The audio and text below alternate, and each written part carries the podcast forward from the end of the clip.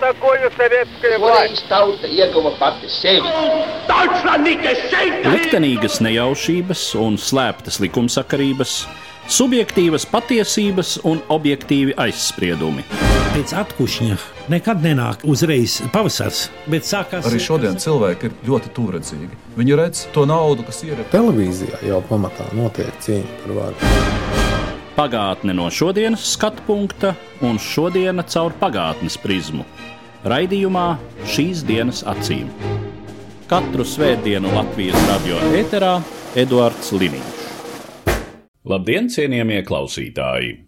Pirms kāda laika ar mani sazinājās klausītājs Jānis Kukainis, lūdzot vairāk pastāstīt par naudas vēsturi Latvijā, jo sevišķi par to, kā funkcionēja naudas sistēma krasu politisko pārmaiņu laikos un kā ar to tika galā iedzīvotāji. Naudas vēsturē Latvijā pievērsos raidījumā Nauda laiku lokos, kas izskanēja ēterā no 2016. līdz 2018. gadam.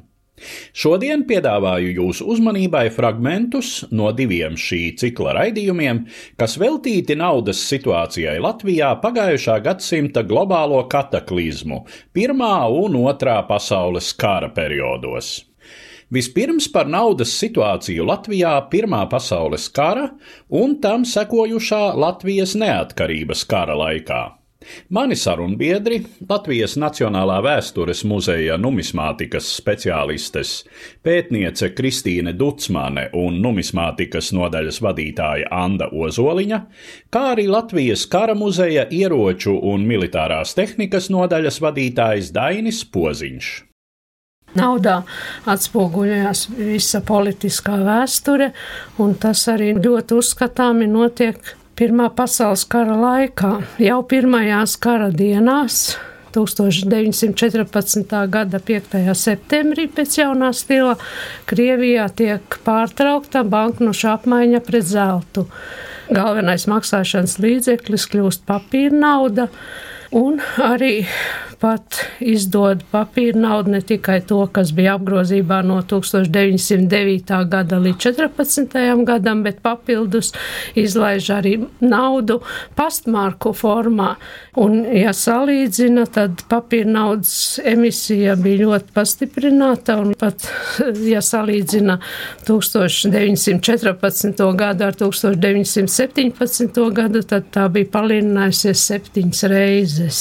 Un tautai joprojām atmiņā bija tas laiks, kad Krievijas naudai bija zelta segums, kad jebkurā brīdī varēja apmainīt papīra naudu pret zelta rubļiem, un arī šai naudai visvairāk uzticējās Protams, kara apstākļos un politiskās cīņas apstākļos naudas vērtība un pieejamā preču apjoma attiecība ļoti būtiski mainījās, un tas, ka valdība un varas iestādes centās kontrolēt tirzniecību ar dažādām precēm, sākumā ar alkoholu, ierobežotas pieejamības precēm, pārtiku un citām, faktiski veidojās, varētu teikt, paralēlas ekonomiskās sistēmas valsts un varas iestāžu regulēta tirzniecība, kur bija strikti noteikumi. Un mūsdienās sakot, melnais tirgus, ja ir pieprasījums un piedāvājums, tad šajā paralēlajā tirgu veidojās pavisam cita preču cenu un piedāvājuma attiecība nekā tā bija pirms kara apstākļos. Pirmā pasaules kara vidusperiodā un beigās Vācijai iegūstot jaunas teritorijas, lai kontrolētu ekonomiskos procesus, Vācu okupētajās teritorijās tika ieviesta jauna naudas vienība, rublis, un paralēli vēl okupētajās teritorijās cirkulēja arī Krievijas impērijas nauda. Ieviešot šādu atsevišķu naudas sistēmu, varas iestādes varēja kontrolēt cenu politiku un ar naudas drukājumās mašīnas palīdzību kompensēt kaut kādus budžeta iztrūkumus pārlieku neietekmējot vienlaikus ekonomisko situāciju, finanses situāciju pašā Vācijā. Tāpēc centās šīs te okupētās teritorijas ar savas atsevišķas naudas sistēmas palīdzību atdalīt no valsts Vācijas finanses sistēmas. Tātad arī Vācu okupācijas iestādes pieļāva kā maksāšanas līdzekli joprojām Krievijas rubļu izmantošanu. Jā, tie bija apgrozībā ļoti intensīvi lai okupācijas varas iestādes pilnībā varētu šo naudu izņemt no apgrozības, viņiem bija jāiegulda papildus resursi un administratīvie līdzekļi jāizmanto tā, kā to negribēja darīt, tad šī nauda turpināja funkcionēt. Naudas tomēr trūka, un tad ķērās pie lietas arī pilsētas naudas tiešām trūka, tad bieži vien tika pieņemts lēmums uz vietas pilsētās izlaist dažādu veidu parādzīmes. Tātad pagaidu maksāšanas līdzekļi izlaisti jau ar domu, ka kaut kad, varbūt vēlāk, kad laiki būs labāki, tos varēs samainīt pret kaut ko patiesi vērtīgu. Liepājā laika posmā no 1915. līdz 1918. gadam pavisam sešās emisijās tika izlaistas šādas parādzīmes kopsumā par vairāk kā vienu miljonu rubļiem. Protams, reāli šī vērtība jau īpaši liela tām nebija. Tomēr savu vietējā apgrozības līdzekļu funkciju Liepājā, Grobiņā un aizputs apriņķī šīs naudas zīmes turpināja vēl arī pēc Latvijas neatkarības iegūšanas, un Latvijas pagaidu valdība tās atstāja apgrozībā un vēl papildus arī emitēja par apmēram 10 tūkstošiem, tā kā tiešām šo apgrozības līdzekļu trūka. Un šīs naudas zīmes arī turpināja savu funkcionēšanu līdz pat 1925. gadam gadam, kad tās tika oficiāli izņemtas no apgrozības, bet apmainīt tās varēja vēl pret latiem līdz 1931. gadam. Tātad 1919. gadā par tām it kā atbildību uzņēmās pagaidu valdība un šīs naudas zīmes ļaujot apmainīt. Līdzīga situācija bija arī Jālgavā, tikai tur emisija bija vēl vairāk, un tur pašreiz pat kolekcionāri strīdās, cik tieši emisijas un izlaidumi ir piedzīvojušas Jālgavas rubļu, kapēku, marku un feniņu nominālos izlaistās naudas zīmes. Tās sākotnēji funkcionēja tātad Jālgavā, daļa no tām tika aizdotas arī citām vietām, kam šo maksāšanas līdzekļu trūka. Piemēram, Ventspilī arī Jālgavas emitētās naudas zīmes tika tādā pat veidā kā liepājas legalizētas, bija apgrozībā Jālgavas dobeles un tukuma apriņķi, un arī tika mainīta mainītas līdz pat 1931. gadam jau pret Latvijas latiem. Nu, uz īsu brīdi, 15. gadā, savas naudas zīmes emitēja arī Ventspils pilsēta. Tā gan bija tāda ārkārtīgi ātra un sasteigta emisija kara apstākļos iespieda tās pārvietojamā kara tipogrāfija, naudas zīmes bija ārkārtīgi vienkāršas. Tomēr tās apmēram 30 tūkstoši rubļu vērtībā tika emitētas, un apgrozībā bija Vēnspils tuvākajā apkārtnē un Vēnspilī, un tās gan netika pēc tam no Latvijas republikas atzītas, un to eksistence beidzās līdz ar Latvijas valsts izveidošanos. Savas pagaidu naudas zīmes spiest emitēt bija arī Rīga, un tas notika jau 1919. gadā, jo arī Rīgā bija vērojams neliela maksāšanas līdzekļu trūkums. Tādēļ tika nolēmts un arī no pagaidu valdības atļauts Rīgā izlaist parādzīmes 1 un 3 rubļu vērtībā. Apmēram par 8 miljoniem rubļu to arī paveica, un šīs naudas zīmes funkcionēja ar kursu attiecību viens pret viens pret Latvijas rubli kas tolaik jau bija. Un šī Rīgas parādzīme emisija tieši tāpat bija spēkā līdz 1925. gadam, 1. aprīlim, un līdz 1931. gadam varēja tikt samainīta pret Latvijas latiem. Tātad šīs ļoti dažādās, ļoti daudzās emisijās izlaistās naudas zīmes praktiski pildīja tādu sīknaudas funkciju šeit vietējā apgrozībā, jo, protams, lielie vērtīgie darījumi, līgumi notika šajās vispār atzītajās vērtīgajās valūtās vidzemes teritorijā, pārsvarā Krievijas impērijas maksāšanas līdzekļos, kurzemes teritorijā priekšroka tika dot Vācijas maksāšanas līdzekļiem. Proklamējot Latvijas valsti, vēl īsti nebija tādas ekonomiskās politikas, un tikai 1918. gada decembrī Latvijas finanšu ministrs noteica kursu, kur vienu cera rubli pielīdzināja 0,8 ostrubļiem un 1,25 tā sauktajiem domes rubļiem pēc februāra revolūcijas kad tika gāsta cara valdība, tad tika izlaisti domas rubļi, un par šiem domas rubļiem ir ļoti interesantas Riharda Zariņa atmiņas, kad viņš tajā laikā bija valsts papīra spiestūrs, tehniskais direktors un galvenais mākslinieks, un viņš raksta, ka vajadzēja ļoti steidzīgi izdot jaunu naudu un spiestuvē bija sagatavota nauda pasūtījums Mongolijai. Pamatā izmantoja šo Mongolijas naudu, uzliekot ērgli, bet bez cara regālijām jau. Un fonā palika ugunskrusti, kas bija Mongolijas laimes simbols. Tas, ko mēs lasām par Latvijas pagaidu valdības finansiālajām operācijām pirmos kara mēnešus, kas ir tā nauda? Kas ir Latvijas valsts nu, rīcībā. Tomēr ir pamatā tie cara rubļi. Ir dažādas naudas šķiras, bet rēķini tiešām tiek vēsti pamatā pielīdzinot tos cara rubļiem, un arī dažādas kursa attiecības tiek veidotas pret cara rubli. Tātad finanses ministrija aprēķinos balstās uz šo Krievijas impērijas rubļu vērtību, bet eh, reāli no dokumentiem mēs redzam, ka ir ļoti dažādas naudas. Gan tās, kas ir šeit apgrozībā bijušas, gan arī ārzemju valūtas ir pagaidu valdības rīcībā, bet rēķināšana notiek jāsalīdzinot ar cara rubli. Sākums ir grūts tīri praktisku un politisku iemeslu dēļ, jo Latvijas pagaidu valdībai nav sākumā īsti pilnas kontroles pār topošās valsts teritoriju un visiem ekonomiskiem procesiem, un sākumā jau finansiālā sistēma funkcionētu, bija visi šie mehānismi pašā valdībā jāizstrādā, jāievieš maiņas kvotas, jāorganizē kaut kādi administratīvai resursi, lai varētu iegūt finanses līdzekļus valdības darbības finansēšanai. Tas viss prasīja laiku un diezgan lielu smagu darbu. Arī ekonomikā bija sava veida cīņa un cīņa par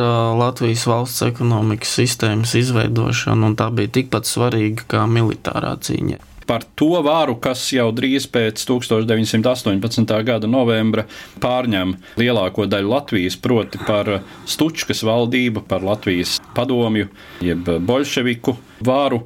Tā arī emitē savu naudu, Sākotnēji jāatzīmē tas, ka izveidojoties šeit padomju varai apgrozībā, tiek pasludināti visi tie maiņas līdzekļi, kas ir apgrozībā padomju Krievijā. Un pie tam tie pēc kursa viens pret vienu ir jāapmaina ar šeit esošajām naudas vienībām, jebkādām. Bet tādu ļoti sīku un pamatīgu priekšstatu par to, kā šī nauda funkcionē, manuprāt, mēs īpaši arī nevaram gūt, jo šis naudas funkcionēšanas laiks bija ļoti īss. Un tomēr šajā laikā padomju vara paspēja arī izlaist savus apgrozības līdzekļus. Tas gan notika jau 1919. gada aprīlī, tātad līdz māja vidum. Reāli šī emisija arī notika, laižot apgrozībā vienu, trīs, pieci un desmit rubļu naudas zīmes, tautā dēvētos sīmanīšus. Šis nosaukums no Rīgas strādnieku deputāta padomas priekšsēdētāja Sīmaņa Berga vārda, kurš arī bija parakstījies uz šīm naudas zīmēm.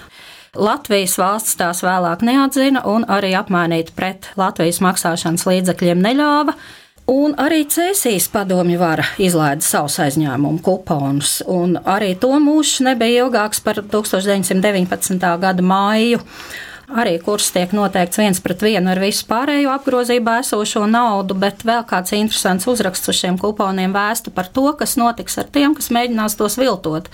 Par šo naudas zīmi viltošanu tie kas to mēģinās darīt, nepārprotami tiks nošauti. Droši vien vēlreiz jāuzsver visu šo laiku vecie Krievijas cara rubļi ar visiem portretiem un regālijām, turpina funkcionēt. Līdz kuram brīdim mēs varam teikt, ka šis cara rublis, impērijas rublis, joprojām ir galvenā vai katrā ziņā atzītākā nauda Latvijas teritorijā? Es domāju, ka tas ir līdz Latvijas rubli pasludina par vienīgo maksāšanas līdzekli valstī.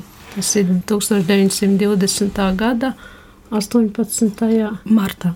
Jo ir tiešām liecības presē arī pēc tam, kad Latvijas rublis jau tiek izlaists un ir apgrozībā, un valsts iestādēs maksā algu Latvijas rublī, un Latvijas armijā maksā algu Latvijas rublī. Cilvēkiem ir reāls problēmas ikdienā par šo Latvijas rubli iegādāties tiešām pirmās nepieciešamības preces. Man pašai patīk tāds ļoti skaists atstāsts no tā laika preses par to, kā ir gājis karavīram, kurš ir gribējis pa 25 jaunajiem Latvijas rubļiem nopirkt baltmaizi. Beidzēs tas ir ar skandālu un šaušanu gaisā, jo šo naudu tirgotājs vienkārši negrib pieņemt. Viņš ir gatavs visu, ko darīt, lai to nepieņemtu. Viņš ir gatavs izdot atlikumu no Krievijas impērijas naudas dubultā apmērā. Nu, un beigās viņš to Baltmaizes kukultam karavīram uzdāvina, lai tikai viņam nebūtu šie jaunie Latvijas rubļi jāņem. Jo nav uzticības šai naudai, un tikai ar lielu un pamatīgu tiešām ekonomikas nostiprināšanas darbu šī uzticība tiek panākta. Kā bija ar Bermuda naudu? Ar Bermuda naudu bija pavisam interesanti, jo Bermuda nauda tika sākta izlaist ar mērķi finansēt šo pasākumu, ko Bermons bija iecerējis, tādēļ, ka no Vācijas saņemtais finansējums 19. gada septembrī tika pārtraukts. Tika nolemts emitēt vienu, piecas un desmit markas. Sākotnēji emisija aizsākās Berlīnē, bet vēlāk to turpināja darīt Jālgavā. Un apgrozībā tās tika laistas 1919. gada 21. oktobrī. Vienu marku naudas zīmes, 5 un 10 acīm redzot vēlāk un apgrozībā bija tikai mēnesis mums visiem zināmo politisko un militāro norišu dēļ, un kurš šīm naudas zīmēm divas Bermonta markas tika pielīdzināts vienam ostrublim vai diviem Krievijas impērijas rubļiem. Tā kā šīs markas bija izplatījušās Jāgavas apriņķa ievērojamā daudzumā, tad līdz 1920. gada martam tās tomēr tika mainītas, tālāk vairs nē. Vērojot to politiku, kādu jaunā Latvijas valsts īsteno, finansiālā ziņā, manuprāt, tiek tomēr ļoti respektēta to naudas lietotāju reālā situācija. Un runājot par šo apmaiņu, par šiem apmaiņas kursiem, lielākoties tomēr cilvēkiem ir iespēja atbrīvoties no tās naudas, ar kuru dažādas varas viņus ir apgādājušas. Pat Bermuda nauda vismaz dažus mēnešus tiek mainīta. Nu, tā tad ir iespēja no tās pieklājīgā veidā tikt vaļā. Gluži ķemertiņš ar viņu nav jāaplīmē. Stabila finansu sistēma, uzticība finansu sistēmai, jaunveidojamai valstī ir viens no politiski svarīgākajiem uzdevumiem, ja šīs valsts vispār vēlās pastāvēt. Un ņemot vērā tā laika tiešām ekstrēmi sarežģīto politisko un militāro situāciju Latvijā, tā laika ekonomisti politiķi un pat Latvijas sabiedrība ļoti veiksmīgi tika galā ar ārkārtīgi sarežģītu problēmu jo naudas sistēmas izveide ir ļoti komplekss process. Lai būtu garantijas finansiāls ar precēm, ar kredītiem, jo Latvijas valdība centās darboties ekonomiskā jomā, arī starptautiskā arēnā. Un uh, lielu lomu spēlēja tas, ka Latvijas pagaidu valdība iegūšot starptautisko finansu institūciju un valdību garantētos kredītus, tas arī bija tas pamats, kas noteica, kāpēc šī reforma lielā mērā bija tik konsekventa un iegūta cilvēku uzticību. Patiešām Latvija izveidoja stabilu finansu sistēmu, kas reāli spēja funkcionēt un lielā mērā stabilizēja ekonomisko situāciju un ļāva cilvēkiem atgūties pēc kara. Turpinājumā fragments no sarunas, kas veltīta otrā pasaules kara norisēm. Kā zināms, šī globālā kataklizma nesa Latvijai 20 gadus iepriekš iegūtās neatkarības zaudēšanu un arī smagus pārbaudījumus iedzīvotājiem, tā skaitā divām okupācijas varām, iznīcinot neatkarīgās valsts ekonomisko un finanšu sistēmu. Sarunā piedalās Latvijas Nacionālā vēstures muzeja numismātikas speciālistes Kristīne Ducmane un Anda Ozoliņa un vēsturnieks augstskolas turība docents Edvīns Evarts. Sudraba nauda jau faktiski saglabājās līdz 1914. gadam, kad viņa masveidā tika izņemta no Latvijas nu. Jā, ārā. tas jau ir tālākais stāsts Tas par to, tālākais, ka arī sākoties šai okupācijai Latvijas palika apgrozībā un funkcionēja. Un sākotnēji Latvijas banka pat cerēja uz samērā patstāvīgu politiku arī jaunās varas apstākļos. Un arī vēl šī pēdējā latu emisija, šī sudraba nauda, protams, pazuda pirmā visu politisko norišu rezultātā, palika cilvēku kabatās un trūka naudas apgrozībā, tad arī pirmā padomu laika naudas emisija šeit, Latvijas emisija bija Latos. Bija 5 un 20 latu kases zīmes, kuras iznāca tādas pašas kā 1940. gada sākumā, arī 40. gada vasaras nogalē, bet jau ar citiem parakstiem. Tur vairs nebija finanses ministrs, bet tur jau bija finanšu tautas komisārs. No tā mazā cilvēka puses, teiksim, no strādnieka puses, tad tomēr pieļauju, ka bija arī situācijas, kad viņš šīs nacionalizācijas varbūt pat īsti, vismaz sākotnējā periodā, pilnīgi noteikti nepamanīja. Jo darba vieta jau saglabājās tieši tāpat. Mainījās gan samaksas, mainījās nauda, mainījās produktu cenas, faktiski ikdienas dzīves izmaksas mainījās. To gan pamanīja uzreiz. Par tām ikdienas dzīves izmaksām tur ir vērojama tomēr diezgan pārdomāta politika līdzās Latvijam šeit apgrozībā ieviešot arī PSRS maksāšanas līdzekļus. Nu, un tad tiek veikta vesela virkni darbību, kā mēs redzam pēc padomju valdības lēmumiem, lai pielīdzinātu, tātad kurs ieviešot šeit padomju savienības rubli ir viens pret vienu, viens rublis pret vienu latu. Un tad tiek veikti dažādi pasākumi, lai pamazām pielīdzinātu algas. Padomju Savienībā, tur orientējās pamatos pēc Ļeņingradas apgabala algām, pielīdzinot tās šeit Latvijas Republikas teritorijā. Un Vairākos piegājienos šīs algas tika celtas, un paralēli notika process, kas netika skaļi paziņots, bet notika praktiski uzreiz un ļoti lielā apmērā cēlās cenas. Piemēram, līdz 40. gada novembrim maizei cena bija pieaugusi jau par 60%, gaļai par 80%, sviestam par veseliem 100%, bet vilnas audumam, piemēram, jau par 400%. Tātad reāli tam cilvēkam, it kā teorētiski viņa jaunajā darba vietā alga cēlās, bet uh, nauda viņa kabatās kusa ļoti lielā ātrumā. Tādā veidā arī liela daļa šeit esošo resursu tika izpirkta un arī no šejienes tika sūtīta uz citām Padomu Savienības teritorijām, jo vienalga šeit cenas bija lētākas nekā tajā pašā Ļeņingradā, piemēram, ar visu to, ka šis sviests bija cēlies neskaitāmas reizes cenā. Tas vienalga bija četreiz lētāks šeit Rīgā nekā Ļeņingradā. Tātad 7 rubļi kilogramā vai 28 rubļi kilogramā. Un arī citi tāpat svarīgi resursi arī aizplūda. Līdzīgi procesi notiek arī, kad Naciskās Vācijas karaspēks iekaro Latviju 41. Mm -hmm. gada vasarā. Arī šeit uz šejieni brauc masveidā vācu ierēģi, jo šeit ir pieejamas preces, un šeit viņas ir ļoti lētas, un kāpēc gan viņas nenopirkt? Tas ir blakus parādība lielajiem procesiem, kas arī šeit padomju okupācijas laikā tā arī notika. Ja nemaldos, tad attiecība bija viens pret trīs padomju savienībai ienākot Latvijas teritorijā. Šī attiecība tika pielīdzināta viens pret vienu. Loģiski, ka cilvēki savus ietaupījumus faktiski ir zaudējuši pa lielākajai daļai. Kas ir interesanti, kad vēl 17. jūnijā Kārlis Ulmanis aizliedza izņemt lielākas naudas summas mm, no mhm. bankām. Rezultātā cilvēkiem nebija šīs naudas, ko varēja izpirkt precēs. Turpmāk tā situācija padarīja būtiski grūtāku. Cik ilgi Latvijas paliek apgrozībā? Lats paliek apgrozībā līdz 1941. gada 25. martam, kad iepriekš to nepaziņojot, tajā dienā pusdienlaikā tas tiek no apgrozības izņemts un oficiāls maksāšanas līdzeklis vairs ir tikai Padomju Savienības rubļi. Tas tiek pamatots ar to, ka līdz šim brīdim ir ievesti jau Padomju Savienības valūta šeit pietiekošā daudzumā, lai visās trijās bijušajās Baltijas republikās varētu ar to aizstāt vietējās nacionālās valūtas. Aprēķini liecina, ka uz 1941. gadu mūsu teritorijā ir bijuši jau veseli 400 miljoni Padomu Savienības rubļu tātad šeit nonākuši apgrozībā. Un pie tās preču izpirkšanas es vēl mazliet gribēju piebilst, ka tika jau arī iespējas ieguldīt kaut kādās vērtīgās precēs šo naudu uz rokām esošo ierobežotas, jo 1940. gadā parādījās ierobežojumi precēs, ko viens cilvēks drīkstēja iegādāties savā īpašumā, pat nonākot līdz komiskām situācijām, kad bija noteikts skaits vilnas un pusvilnas auduma apģērba gabalu, noteikts skaits apavu un ādas izstrādājumu, kas cilvēkam varēja būt. Un, ja viņš bija viens jauns kurpes nopircis, tad viņam bija jānes zīme ar divu liecinieku parakstiem, ka viņam otra pāra nav un ka viņš vēl šo otru pāri var iegādāties.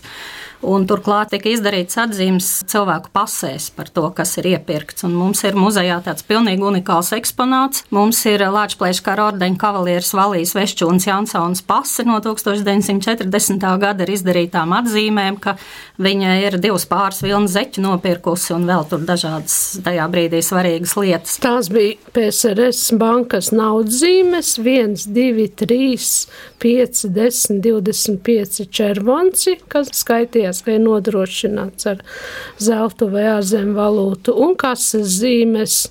Tas bija 1, 2, 5 rubļi un visu izlaidumu sudraba, niķeļa, vara un bronzas monētas. Un arī tas, ka, piemēram, bankā iedzīvotāji noguldījumi, kas bija lielāki par tūkstošu latiem, tie visi tika anulēti, un tie zaudējumi ir apmēram pusotrs miljards latu ko Jā. cieta iedzīvotāji zaudējumos. Pēc padomju okupācijā pavadītā gada Latviju sagaidīja totalitārās varas nomaiņa, sākoties padomju vācu karam un valsti okupējot nacistiskās Vācijas karaspēkam. Jauna vara nāca ar savu jaunu redzējumu uz finanšu sistēmu, un ilgi nebija jāgaida. Ja iebrukums sekoja 22. jūnijā, sekojošām bombardēšanām jau Latvijas teritorijā tajā pašā dienā, tad jau 1. jūlijā bija jauna naudas reforma, kur tika noteikts jauns naudas kurs, maiņas kurs, tātad eh, viena reismarka pret desmit rubļiem. Agrāk bija viens plats pret vienu rubli, tātad atkal kārtīgi reizi Latvijas zaudēja savu vērtību. Tas bija tikai, protams, sākums. Jau 6. jūlijā Rīgā ieradās speciāla zemnieciskā komanda, kuras primārais uzdevums ir apķīlāt, rekvizēt, apzināt visus krājumus, kas Latvijā ir, un viņus novirzīt pamatā divām lietām. Tātad Vācu vērmaktu vajadzībām un arī Vācijas vajadzībām. Tas, kas paliek pāri, to drīkst izlietot uz vietas. Tad pašā kaut vai sviesta gadījumā tiek apķīlāti tiešām liela sviesta uzkrājumi, kas Latvijā tajā brīdī vēl ir saglabājušies. Šī virsmas komando Rīga aizved projām uz Vāciju vairākas desmitus tonu sviesta. Tomēr tas sviests vēl vienkārši šeit uz vietas, jo transporta iespējas kara laikā, kara norisu rezultātā nepastāv. Iznāk tā, ka par šo naudu, kas ir uz vietas, drīkst izmantot gan krievu rubļus, gan arī, jo krievu rubļos maksāja vācu vermatā zaudētiem algu gan arī, protams, jaunībās tās naudas zīmes. Sākotnēji pat sviesti tik daudz, ka līdz pat novembrim pārtikas devas Latvijā sviesta ziņā ir pat augstākas nekā tās ir Vācijā. Tas atkal tas moments, ka vācieši ir gatavi pat braukt no Kaunas, kur pirmā cilpa pārvalde izveidojās braukt uz Rīgu, ātri iepirkties un doties atpakaļ uz Lietuvas teritoriju. Bija 80 miljoni palikuši šeit, šo Padomu Savienības rubļu, un tādēļ arī nolēma tos izmantot apgrozībā šeit, jo tik un tā jau apgrozībā šajās teritorijās nebija tās Vācijas markas vai rentena markas, kas bija apgrozībā pašā Vācijā, bet bija speciāli dibināta Vācijas valsts kredīta kase, kur izdeva savus naudas zīmes, un tās ir tās, ko mēs pazīstam šeit kā okupācijas markas, un kas arī pildīja apgrozības līdzekļu funkciju šeit, uh, okupētajās austrumu teritorijās. Gluži tāpat kā tas bija arī Pirmajā pasaules kara laikā, arī tika izlaists speciāls naudas okupētajām teritorijām. Un apgrozībā bija gan arī vācu sīknauda, bet ne lielās monētas. Tātad ne marku monētas, bet tikai feniņi šeit apgrozībā Latvijas teritorijā. Tātad bija šīs padomju naudas rezerves, un kāpēc gan ne, nosakot īpašu kursu un ļaujot arī šiem vācu karavīriem par daudz izdevīgāku kursu iegādāties preces šeit Latvijas teritorijā par tiem resursiem, kas ir pieejami. Tātad vēlreiz precizējot, Latvijā netika pieļauta Vācijā apgrozībā esošās valūtas. Un par šīm markām, ko varēja izmantot Latvijā, Vācijā ar viņām iepirkties nedrīkstēja. Jā, tas bija tikai šīm te austrumu teritorijām. Vai ir zināms, kā Vācijas okupācijas vara rīkojās citur Eiropā? Līdzīgi, stipri vien līdzīgi. Faktiski tā bija tā pati sistēma. Piektdienas dzīves atgriežoties, mums bija tāda vecāka kolēģi, kur pats šos laikus bija piedzīvojusi kā skolniece būdama. Tad viņas vērojums par šīs okupācijas markas vērtību bija tāds, ka pateicoties šai markai, viņa bija kļuvusi par eh, Dēls teātra pielūdzēju un apmeklētāju visu dzīves garumā, jo teātra biļets bija bijusi viena no tām retajām lietām, ko par tām markām tiešām reāli Rīgā varēja nopirkt. Un savukārt eh, teātra iestudējumi tajā laikā kā tāds patīkams veldzes brīdis visā apkārt esošajā šausmu atmosfērā. Jo reāli tiešām produktus par to nopirkt nevarēja. Produkts brauca uz laukiem mainīja dažādā veidā pret citām vērtīgām lietām, mūžīgi ejošajām precēm, papirosiem, degvīnu. Satiksmē ar vācu armijas pārstāvjiem ļoti labi noderēja svaigas olas, tas pats sviests, arī cūgaļa dažādā veidā. Tātad sev vajadzīgās lietas tādā veidā arī cilvēki kārtoja, bija spiesti to darīt, jo tiešām šī situācija, ka noteikts preču daudzums cilvēkam bija paredzēts, pilnīgi noteikti nenozīmē to, ka tas bija arī pieejams tajā laikā. Līdz ar to izskan mūsu raidījums, kurā pievērsāmies naudas situācijai Latvijā pagājušā gadsimta lielo militāri politisko satricinājumu Pirmā un Otrā pasaules kara laikā. Dzirdējāt vēsturniekus, Latvijas Nacionālā vēstures muzeja numismātikas speciālistes, pētnieci Kristīni Ducmani un numismātikas nodaļas vadītāju Andu Ozoliņu, augstskolas turība docentu Edvīnu Evartu un Latvijas kara muzeja ieroču un militārās tehnikas nodaļas vadītāju Daini Poziņu. Uz redzēšanos, cienījamie klausītāji! Par pagātni sarunājas Eduards Līniju.